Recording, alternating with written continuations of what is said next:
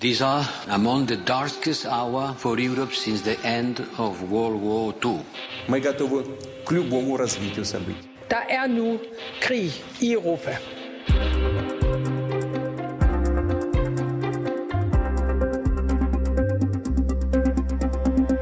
18.000 soldater fra over 20 forskellige lande løber lige nu rundt på jorden i en række østeuropæiske lande, blandt andet Polen. Soldaterne er en del af en årlig tilbagevendende NATO-øvelse, som bliver ledet af amerikanerne. Øvelsen går under navnet Defender Europe 22 og har til formål at træne NATO-soldaternes samarbejde, men også øge sikkerheden langs NATO's østlige flanke. En sikkerhed, der naturligvis er enormt meget fokus på lige nu på grund af krigen i Ukraine. Flere NATO-styrker er således også opstillet hele vejen langs NATO's grænse til Rusland, Belarus og Ukraine, hvor de lige nu forbereder sig på, hvis Rusland nu skulle rykke yderligere mod vest. Du lytter til Krig i Europa, hvor vi i dag ser nærmere på NATO's tropper i Østeuropa, her blandt de danske, og spørger om NATO egentlig er klar til krig. Jeg hedder Alexander Lorentzen. Og jeg hedder Cecilie Lange. Velkommen til Krig i Europa. Lars Banger Struve, generalsekretær i den sikkerhedspolitiske tænketank Atlant Samslutning. Velkommen til programmet. Mange tak. Du mener ikke, at NATO er helt klar til øh, krig. På hvilke punkter, øh, Lars Banger øh, Struve, er NATO ikke klar? Vi er ikke klar på den måde, at, at vi i næsten to årtier har gennemført store besparelser i de enkelte stater. Og her skal vi skelne mellem NATO som organisation og så de enkelte stater. Men at de enkelte stater ligesom har sparet og sparet og sparet, og uendelige mængder af konsulentrapporter har fortalt, at man ikke har brug for at opbygge store lager, man har ikke brug for at have, have rigtig mange kampvogne stående klar til, hvis krigen kommer, man har ikke brug for ammunition liggende. Så så alt det, vi lige nu ser, som øh, ukrainerne står og råber og skriger på, nemlig mere ammunition, flere kampvogne, flere fly osv., det er noget, vi selv internt i NATO har afskaffet over de sidste 20, måske i virkeligheden 30 år. Og det gør, at, at, at NATO øh, ligesom hver enkelt NATO-land i høj grad har fået sparet ind øh, til benet. Igennem de sidste par år er der så en række NATO-stater, der er begyndt at bruge flere penge på det, men, men, men generelt set så har det set ret dårligt ud de, de seneste par år. Hvorfor har vi ikke styr på de her ting? Hvorfor er det blevet nedprioriteret? Hvorfor har vi for eksempel ikke øh, nok ammunition?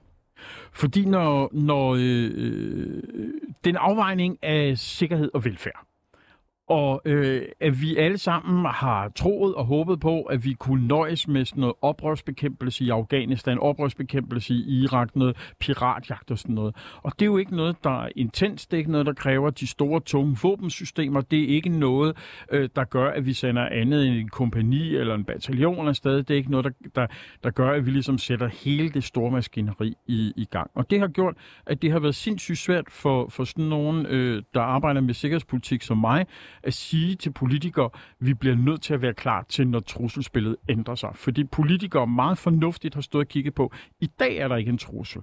Men det har været meget svært at forklare dem, om 5-10 år kan det godt være, at der er en trussel, som gør, at vi skal være klar og bibeholde de her systemer og forny de her systemer. Hvordan har du oplevet, at det har været svært at formidle det her til politikere, at de måske lige skal kigge 5 eller 10 år frem, når de laver et trusselsbillede for eksempel?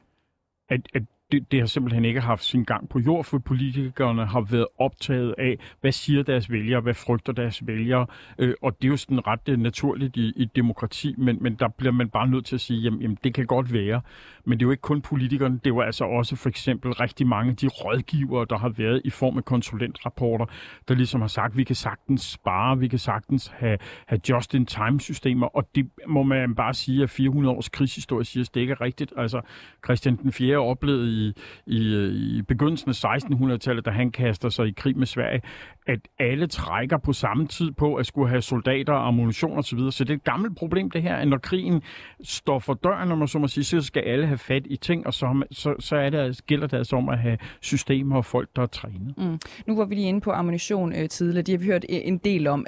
Forklar os lige ganske kort, hvilket materiel konkret mangler NATO? Jamen, jamen det er forskelligt fra land til land, om jeg så må sige. Hvis vi, hvis vi lægger det hele sammen, så har vi rigtig meget, og vi kan nok godt få det i, i luften, om jeg så må sige. Men hvis vi for eksempel kigger på Tyskland lige syd for os, altså, så har de jo en, en militær ombudsmand, som en gang om året fortæller, hvad kan det tyske forsvar, hvad kan det ikke. Og de har kæmpe problemer med deres jægerfly, de har kæmpe problemer med at få deres kampvogn til at køre, de har kæmpe problemer med at få øh, deres ubåd til at sejle, for bare at tage tre eksempler, som er lige syd for grænsen for os. Og det gør, at NATO samlet set har det store store problem, at man har svært ved at opstille de store formationer, altså ikke opstille et kompani eller en bataljon, som er altså de her 120-160 mand, eller, eller, eller 5, 6, 700 mand, men i det øjeblik, vi kommer op på brigadeniveau 4.000 mand, eller kommer op på divisionsniveau 16.000 mand, så begynder det at blive svært, fordi man har også tænkt, det her klarer nogle af de andre. Danmark mangler for eksempel luftforsvar til vores kommende brigade. Det har vi regnet med, det leverer til andre. Men i den type af krig, vi er på vej hen til nu, altså en stormagtskrig, så skal man kunne klare sig selv langt hen ad vejen. Øh, I Afghanistan var Danmark enormt stolt af, at vi havde det, man kalder for en meget lille hale. Og det betød, at hvis vi sendte en dansk øh, bataljon afsted, så var der meget få forsyningsfolk bagved. Men det var, det var lidt en, en forkert fortælling, fordi den hale af folk, der sørgede for at køre øh, fuel frem til os, eller sørgede for at levere ammunition frem, eller sådan noget, det havde vi i høj grad overladt til vores samarbejdspartnere. Det vi er på vej ind i nu, der skal man kunne klare store dele af det hele selv. Mm. Og det er der, hvor øh, øh, udfordringerne kommer til at ligge. Undskyld. Og lad os lige uh, se uh, nærmere på uh, de styrker, som han har opstillet langs den uh, østlige uh, flanke. Det er jo også noget, det vi taler om i dag. Ikke? Uh, allerførst, hvor mange NATO-styrker er der egentlig opstillet i alt lige nu? Det kommer an på, hvordan vi tæller. Okay. Og på den måde, at hver enkelt stat har jo sine styrker, og i tilfælde af krig vil de overgå til NATO-kommando. På nuværende tidspunkt har vi sendt øh, styrker til øh, de tre baltiske stater, Estland, Letland, Litauen og Polen. Der har der stået 1000 mand i hver af dem. Øh, og, og så har vi, øh, man så i forbindelse med NATO-topmødet besluttet, at man derudover sender styrker til øh, Rumænien, Bulgarien, Ungarn og Slovakiet. De får også cirka 1000 mand hver. Dertil har man så i øvrigt øh, så øh, aktiveret øh, NATO's hurtige reaktionsstyrke, og det er sådan cirka 40.000 mand, vi er oppe på. Så ud over de enkelte stater, der er til stede, så er der altså så, så øh, aktiveret en, en lang række styrker, så det kommer lidt an på, hvordan man ønsker at tælle det her, øh, hvor, hvor optimistisk eller pessimistisk man, man, man kigger på det. Men, kan vi men, sige, komme nærmere på sådan et, et, et samlet tal? Altså nu er der nogle tusind stykker i alle de her baltiske jamen, altså lande. Der, NATO har, har, har, har under NATO-kommando cirka 40.000 okay. Mand på nuværende mm. tidspunkt, sådan, hvis, hvis, hvis vi tæller tingene. Og så har de enkelte stater så selvfølgelig øh, de forskellige øh, enheder, de har under sig. Og i tilfælde af krig, så vil man aktivere det, der hedder artikel 5, øh, som er musketeriet, hvor øh, hvis et land bliver angrebet, så skal de andre komme til undsætning, og så overgår man til NATO-kommando. Det betyder så, at det NATO's kommandostruktur, som er velfungerende og som er på plads, øh, også i fredstid, at den så overtager kommandoen over styrkerne, og så skal lede styrkerne. Mm. Så øh, 40.000 øh, NATO-tropper i alt, men altså meget jævnt øh, fordelt øh, på, i, i de baltiske lande. Hvad kan nogle tusind øh, NATO-tropper øh, egentlig, som de, som de jo står der øh, sammen skulder ved skulder. Hvad kan de egentlig? De, de udgør en snubletråd. Og så udgør de jo altså også et element i det nationale forsvar på den måde, de arbejder sammen med den enkelte statsstyrker. Ikke? Øh, så, så der står ikke kun 40.000 mand og vogter grænsen, der står flere hundredtusind mand, men de fordelt ud over, hvad Polen har opstillet, hvad Bulgarien har opstillet, hvad Rumænien har opstillet osv. Så de indgår ligesom i de nationale forsvar, plus det danske forsvar, som jo blandt andet er til stede i Østersøen. Mm. Så, så det, det er sådan Øh, men det, de kan gøre i første omgang, de NATO-styrker, som er aktiveret og er underlagt NATO-kommando, de, kan, de udgør en snubletråd, om jeg så må sige, og det betyder, at hvis du rykker ind i Estland, Letland, Litauen eller Polen eller Bulgarien eller Rumænien, så risikerer du at skyde på en soldat, som ikke kommer fra et af de lande, men som kommer fra et, et helt sjette land, og derved er du sikker på, om jeg så må sige, at NATO siger, at vi bliver nødt til at komme ind og forsvare jer? Mm. Det er ligesom en, en, en, en kollektiv garanti. Du kalder det øh, snubletrådsprincippet, kan måske øh, kalde det. Mener du, at det er nok, altså det her snubletrådsprincip, øh, med det nuværende trusselsbillede? I første omgang har det været nok, men jeg er ret sikker på, at vi i løbet af de næste par måneder øh, vil se en, en endnu større militær opbygning, og så gør det at de enkelte stater ændrer på det, man kalder for beredskabstiden. for deres enheder. Det er altså, hvor, hvor, hvor lang tid går der fra, at, øh, at forsvarschefen øh, meddeler, at en styrke skal være klar til indsættelse, til den er klar til indsættelse. Og det betyder, at, at øh, på nuværende tidspunkt, der har vi danske enheder, som har, øh, har helt op til 180 dages øh, bered, altså øh, 180 dages øh, varslingstid. Det er alt for lang tid. Okay. Der kommer man ned på, på at vi, man i turnus kommer til at køre med enheder, der har 3, 4, 5 dage i hele NATO, sådan så at man er meget, meget hurtigere klar til at stille op. Og så det der med at have 180 dages varslingstid, det kommer simpelthen til at forsvinde, og så kommer vi ned til måske 30 dages varslingstid eller sådan et eller andet. Og det betyder, sådan, så man meget hurtigt kan være klar i en krise. Betyder det, at NATO-soldater øh, på den østlige flanke er i meget højt beredskab lige nu, eller kan det, komme, kan det blive vildere? De, de enheder, blandt andet de danske enheder, der er afsted, er i meget højt beredskab og indgår i, i, i øvelser, som gør, at de bliver stærkere, så de ved, hvordan at, at deres egne øh, enheder reagerer og agerer. Så, så der er man allerede i højt beredskab. Nu er det ligesom resten, at, at det, der ligesom står bagved, der ligesom kommer op i et højere beredskab og bliver meget mere klar til at kunne gøre nogle ting. Mm. Vil det betyde, at NATO-soldater vil være klar til at gå i krig i morgen for eksempel? Ja, der er NATO-soldater, som er klar øh, 24-7. Øh, hvis vi bare kigger på det danske luftvåben, som jo er en del af det hele. Ikke? Altså, vi har jo fly, der er klar til på fem minutter at gå på vingerne. Mm. Og det ser vi jo et meget, meget jævnligt, at man gør. Krigsskibene er hele tiden ude i området og er klar til at gå fra, fra fredstidsopgave til krigstidsopgave på meget, meget kort varsel. Vi har opstillet en, en dansk øh, bataljon, som er, er blevet overført til, til Baltikum, og den er jo altså også på meget, meget kort varsel. Så, så man har styrker, der er på enormt kort varsel, og så har man styrker, som er på meget længere varsel, og nogen, som er under opbygning. Mm, og grunden til, at vi, vi taler om i dag, hvor, hvor klar de her NATO-styrker, inklusiv øh, øh nogle af de danske soldater egentlig er, det er jo fordi, at, at de igen nu, øh, altså også danske soldater, deltager i, i nogle af de her store øvelser i Østeuropa. Øh, hvor afgørende her til, her til sidst, Lars Bangert øh, Struve, hvor afgørende er de her fælles NATO-øvelser egentlig? De er helt afgørende. Altså, NATO er født ud af læren af 1. og 2. verdenskrig, og der lærte man ligesom, at man skulle have en militær kommandostruktur på plads, og man skulle have nået at træne sammen, så man vidste, at, hvordan er folk reagerede, så man vidste, at de andre faktisk forstod det, man lavede. Så det er virkelig vigtigt, og det er altså en, en del af hele den garanti, vi har. Det er også en del af den afskrækkelse, vi har, som ligesom viser uh, mulige fjender, så som Rusland, at vi faktisk træner sammen. Vi prøver faktisk at få tingene til at fungere, og det fungerer, når de er derude. Det må vi, altså nu kom vi med kritik til at starte med, mm. men vi skal også huske at sige, at det fungerer. Uh, tag det roligt, kære lytter. Øh, NATO er på plads. NATO skal bare blive endnu bedre. Og den voldsomme situation, vi ser med, med Putin, der ligesom har, har kysset Snevides øh, øh, søvn øh, og har fået hende til nu at, at, at vågne, eller det er Rosa, ikke? Til, til at vågne op. Ikke? Jamen, jamen, det er, stormagtskonflikten er der. Stormagtskonflikten er noget, vi alle sammen bliver nødt til at forholde sig til, og det gør NATO i høj grad. Det kommer vi også til at se på NATO-topmødet her i juni. Mm. Lars Manger Struve, generalsekretær i Atlant Sammenslutningen. Tusind tak, fordi du er med her i morgen. Velkommen.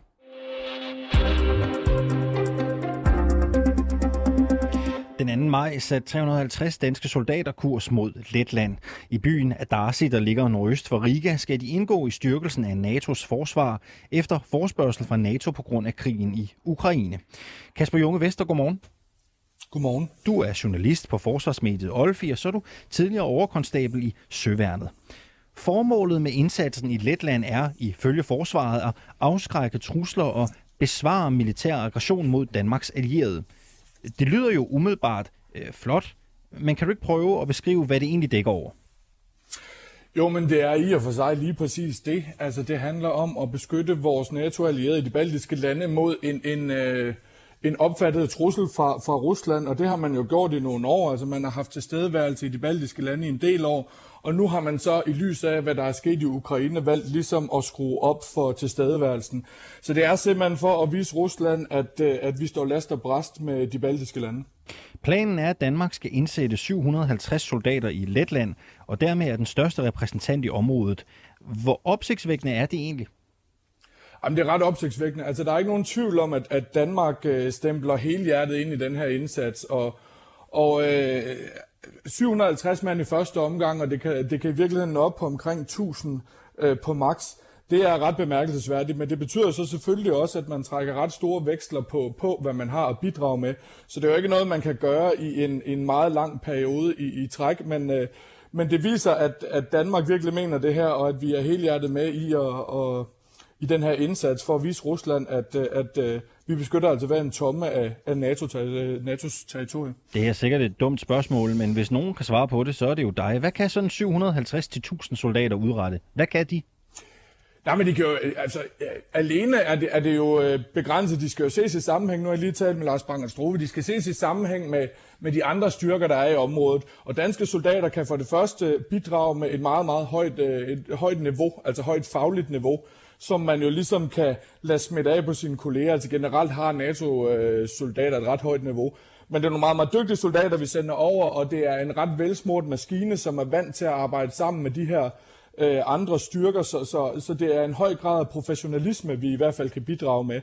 Øhm, og så er det udstyr, vi sender over, nu har vi talt meget om øh, alt, hvad der ikke virker sådan øh, i de forløbende måneder, men, men det, man sender over, det er jo også noget grej, der virker. Så vi kommer med nogle soldater, der er dygtige, noget grej, der virker, og så indgår vi som en lille, men vigtig brik i et øh, større billede, kan man sige. Imens soldaterne opholder sig i Letland, bor de i teltlejre med styrker fra andre lande, og så skal de igennem en række øvelser.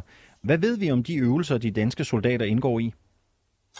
Jamen, det er, jo, det er jo helt klassiske NATO-øvelser, hvor man ligesom øver det her, man taler om interoperabilitet, altså det her med at samarbejde.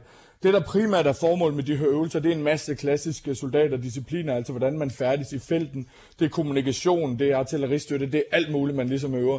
Og det handler om at sørge for, at det hele netop er og bliver ved med at være velsmurt, at koordinationen mellem danske og internationale styrker, den er øh, strømlignet, at det hele ligesom kører øh, smooth. Ikke? Så det er nogle øvelser, som man jo laver mange andre steder i øh, rundt omkring i Europa og med, med, øh, med USA i, øh, i NATO-regi, som man nu har overført til det her operationsområde. Også så Rusland selvfølgelig kan se, at, at øh, man altså har styr på de her kapaciteter, og øh, at det er de her ting, man kan, og man øver og holder sig skarp på. Så men i virkeligheden skal de danske soldater ikke lære noget nyt, de skal bare blive bedre til at samarbejde? Ja, det kan man sige. Altså, øh, de har jo øvet, øh, de har jo øvet i månedsvis herhjemme i Danmark, før de er taget afsted. Altså, de kommer ikke over for at skulle lære en hel masse nyt. Det er samarbejdet med NATO-styrkerne, der nu skal skærpes, og nu skal, som man nu skal køres ind i. Men altså, de er veluddannede hjemmefra, og de har styr på deres procedurer og på deres måder at hvad skal man sige, være soldater og løse deres opgave på. Det er der slet ingen tvivl om. Soldaterne skal ikke afsted alene, de skal også have materiel med. Og det materiel, der er taget med til Adarsi, det er blevet udskibet fra Køgehavn. Hvilket materiel er der egentlig tale om?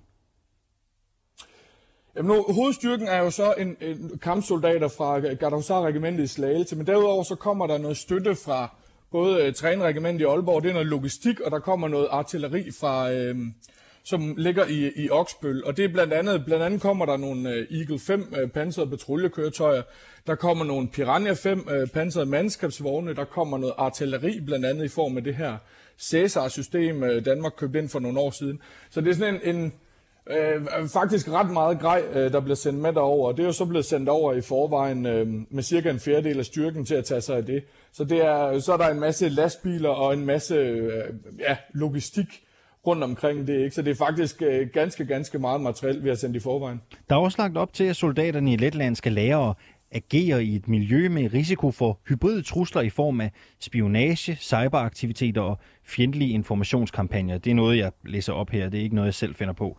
Hvordan lærer man soldater det?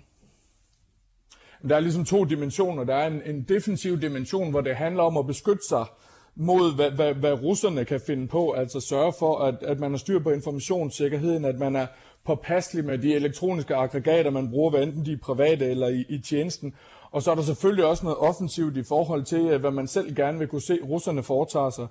Øh, jeg ved, at herren har et meget, meget dygtigt øh, såkaldt EW, Electronic Warfare Company, som er meget, meget dygtig til, til begge øh, hvad skal man sige, dimensioner af det her, og, og de nærmere detaljer øh, er jeg ikke resten klog på, men der er ingen tvivl om, at det er noget, som fylder mere og mere øh, i takt med, at slagmarken bliver digitaliseret. Så det er selvfølgelig også noget, man har fokus på. Altså, hvordan, hvilke forholdsregler kan man tage, så russerne ikke kan følge med i troppebevægelser og i, hvor mange man er afsted, og hvad man har grej, og hvor det befinder sig henne. Øh, det er helt klart noget, der, der betyder mere og mere, og det kan man jo også se på slagmarken i Ukraine for eksempel. Kasper Junge Vester, bliver lige hængende, for nu rykker vi nordpå fra Letland og ser i stedet nærmere på den danske militære tilstedeværelse i Estland.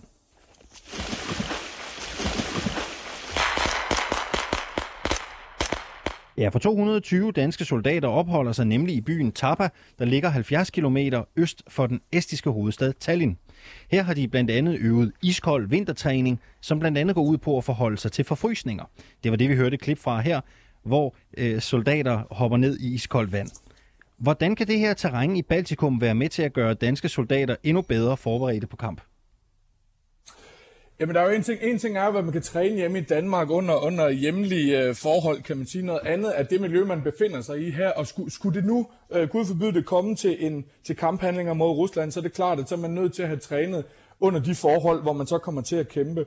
Og der er ingen tvivl om, at, at øh, færdes man i et koldt miljø, øh, hvor truslerne er nogle andre, end de er øh, hjemme i Danmark, så er man også nødt til at forberede sig på det. Så, så den her hypotermitræning, I nævner, øh, synes jeg lyder som en, som en øh, rigtig øh, fornuftig disposition, fordi at det er en, et, et risikoelement, vi måske ikke er vant til fra vores hjemlige øh, øh, hvad skal man sige, øvelsesområder. Så det handler om at, at sørge for, at de danske soldater, de er, de er klar til at færdes og opholde sig i, i det miljø, de nu skal befinde sig i de næste mange måneder. Danske soldater har jo deltaget i øvelser i Estland fem gange, senest i 2020. Er der noget anderledes ved øvelserne nu, hvor der er krig? Nej, jeg, jeg, jeg vil grundlæggende... Nu, nu er der flere sted. Øh, der er flere styrker, man skal interagere med, så, så, øh, men, men derudover tror jeg egentlig, at øvelsesaktiviteten et langt stykke hen ad vejen er den samme. Det er de samme ting, man skal kunne, altså det er de samme bevægelser, man skal kunne på slagmarken kommunikation skal fungere på samme måde, så det er måske i større skala, men, men jeg, jeg tror ikke, der er noget, man sådan øh, går ind øh, decideret og ændrer på sådan rent øh, øvelsesmæssigt derudover. Her til sidst, øh, deler du øh, Banger Stoves vurdering af, at NATO-soldater på trods af de her øvelser ikke er helt klar til krig? Det synes jeg er svært at svare på. Det kommer også an på, hvad, hvor langvarig sådan en krig den vil blive. Altså, jeg tror, at NATO styrker alt andet lige er mere klar til krig, end, end Rusland er nu, hvor de ligesom har en front, de, de slås på. Og så skal man jo huske, at, at øh, på trods af de problemer, øh, NATO's europæiske styrker har i form af ammunitionsmangel og materialer det ene og det andet, så er NATO jo altså mere end, end Europa. Øh, det er jo også øh, amerikanerne. Jeg tror, at NATO er markant mere klar til krig, end Rusland er. Kasper Junge Vester, du er journalist på Forsvarsmediet Olfi og tidligere overkonstabel i Søværnet. Tak fordi du var med her til morgen. Det var så lidt.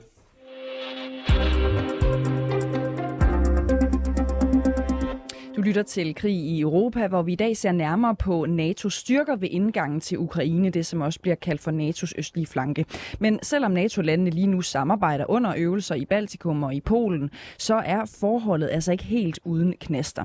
Det amerikanske forsvarsministerium Pentagon har for nyligt luftet en kritik af Danmarks forsvarsplaner, som USA ikke mener lever op til den standard, der er i NATO-regi. Øh, Lise Wiederholdt Christensen, forsvarsanalytiker hos Center for Militære Studier, der hører under Københavns Universitet. Velkommen til programmet. Tusind tak skal øh, Problemet er, ifølge Pentagon, at Danmark blandt andet ligger op til at have en brigade, som kan rykke ud med 180 dages varsel. Til det siger Pentagon så, at, og jeg citerer, hvis Ukraine havde ventet 180 dage med at svare igen, så var det en del af Rusland nu.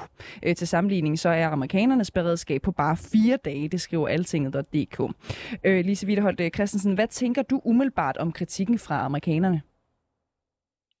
Jamen, jeg, jeg tænker, at den skal man selvfølgelig se i lyset af, af det sikkerhedspolitiske miljø, der i øjeblikket er i Europa, øh, hvor der er, der er krig i, i Ukraine. Og, og et beredskab på 180 dage, det, det, det kan være svært at for, forsvare øh, i, i øjeblikket, øh, når der lige pludselig kan være brug for, øh, at, at man, man rykker hurtigt øh, sammenlignet med, hvad der øh, tidligere har været behov for. Så selvfølgelig er det her noget, som, øh, som man måske fra dansk side øh, vil, vil overveje fremover, øh, hvordan man skal forholde sig til, øh, til sine beredskabstider.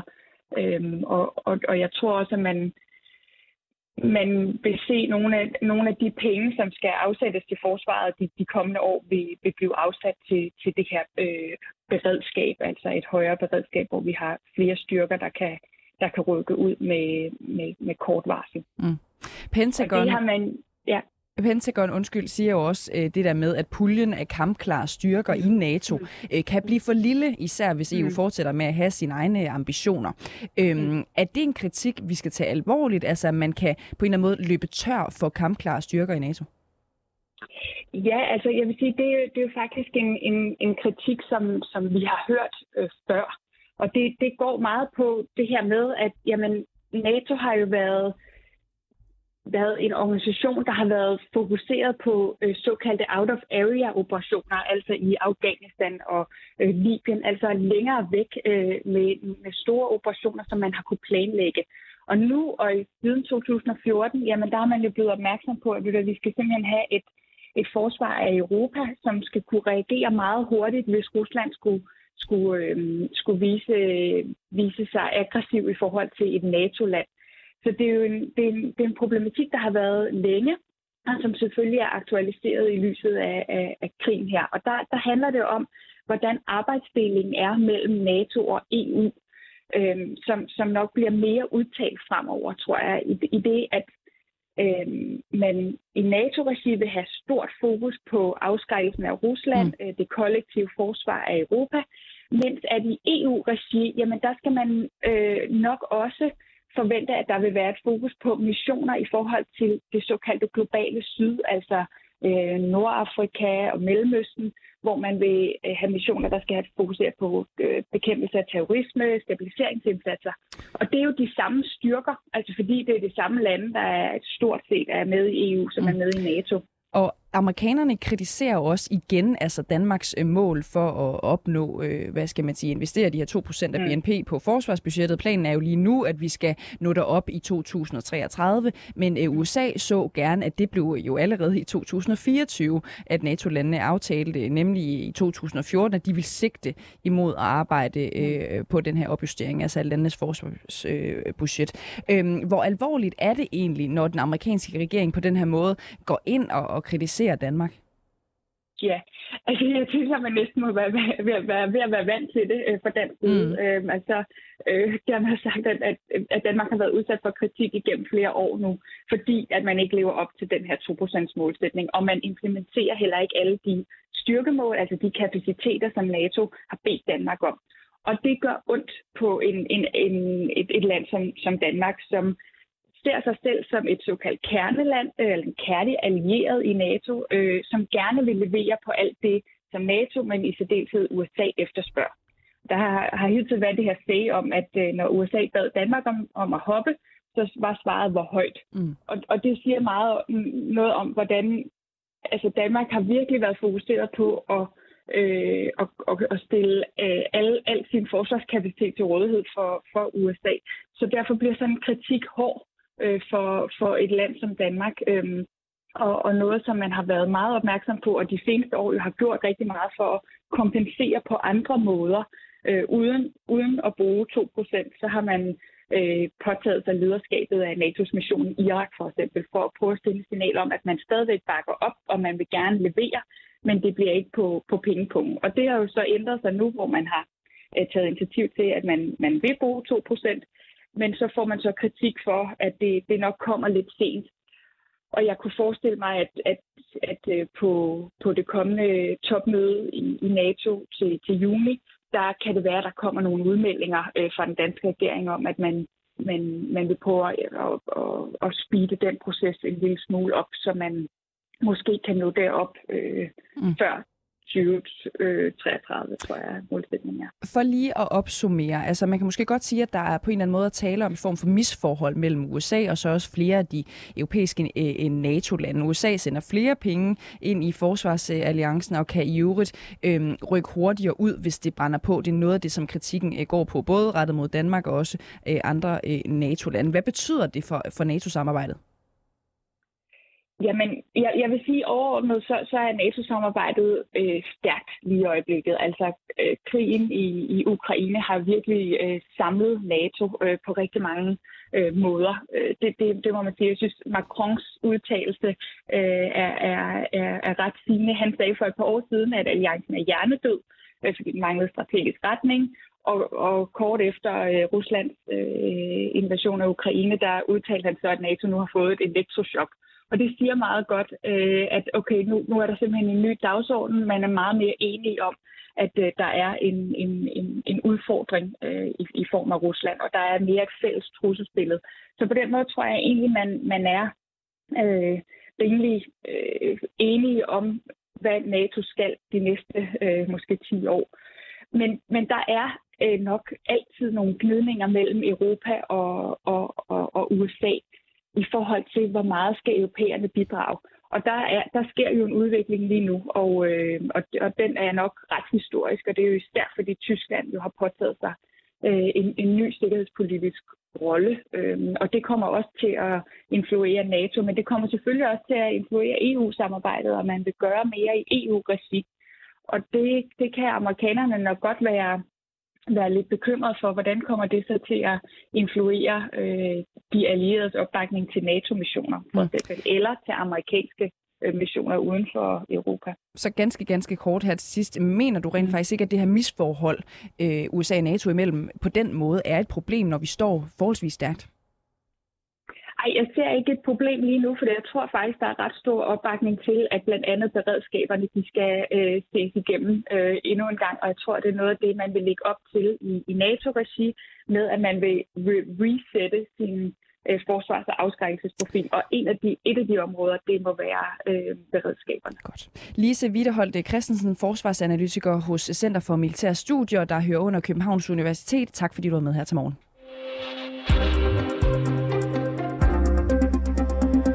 Du har lyttet til Krig i Europa. I redaktionen sidder Sofie Ørts, Oliver Bernsen og Christine Randa. Jeg hedder Alexander Vils Lorentzen. Og jeg hedder Cecilie Lange, og husk, du kan finde flere udsendelser i vores 24-7-app eller den podcast-app, du foretrækker. Du kan naturligvis også lytte med live hver dag i radioen.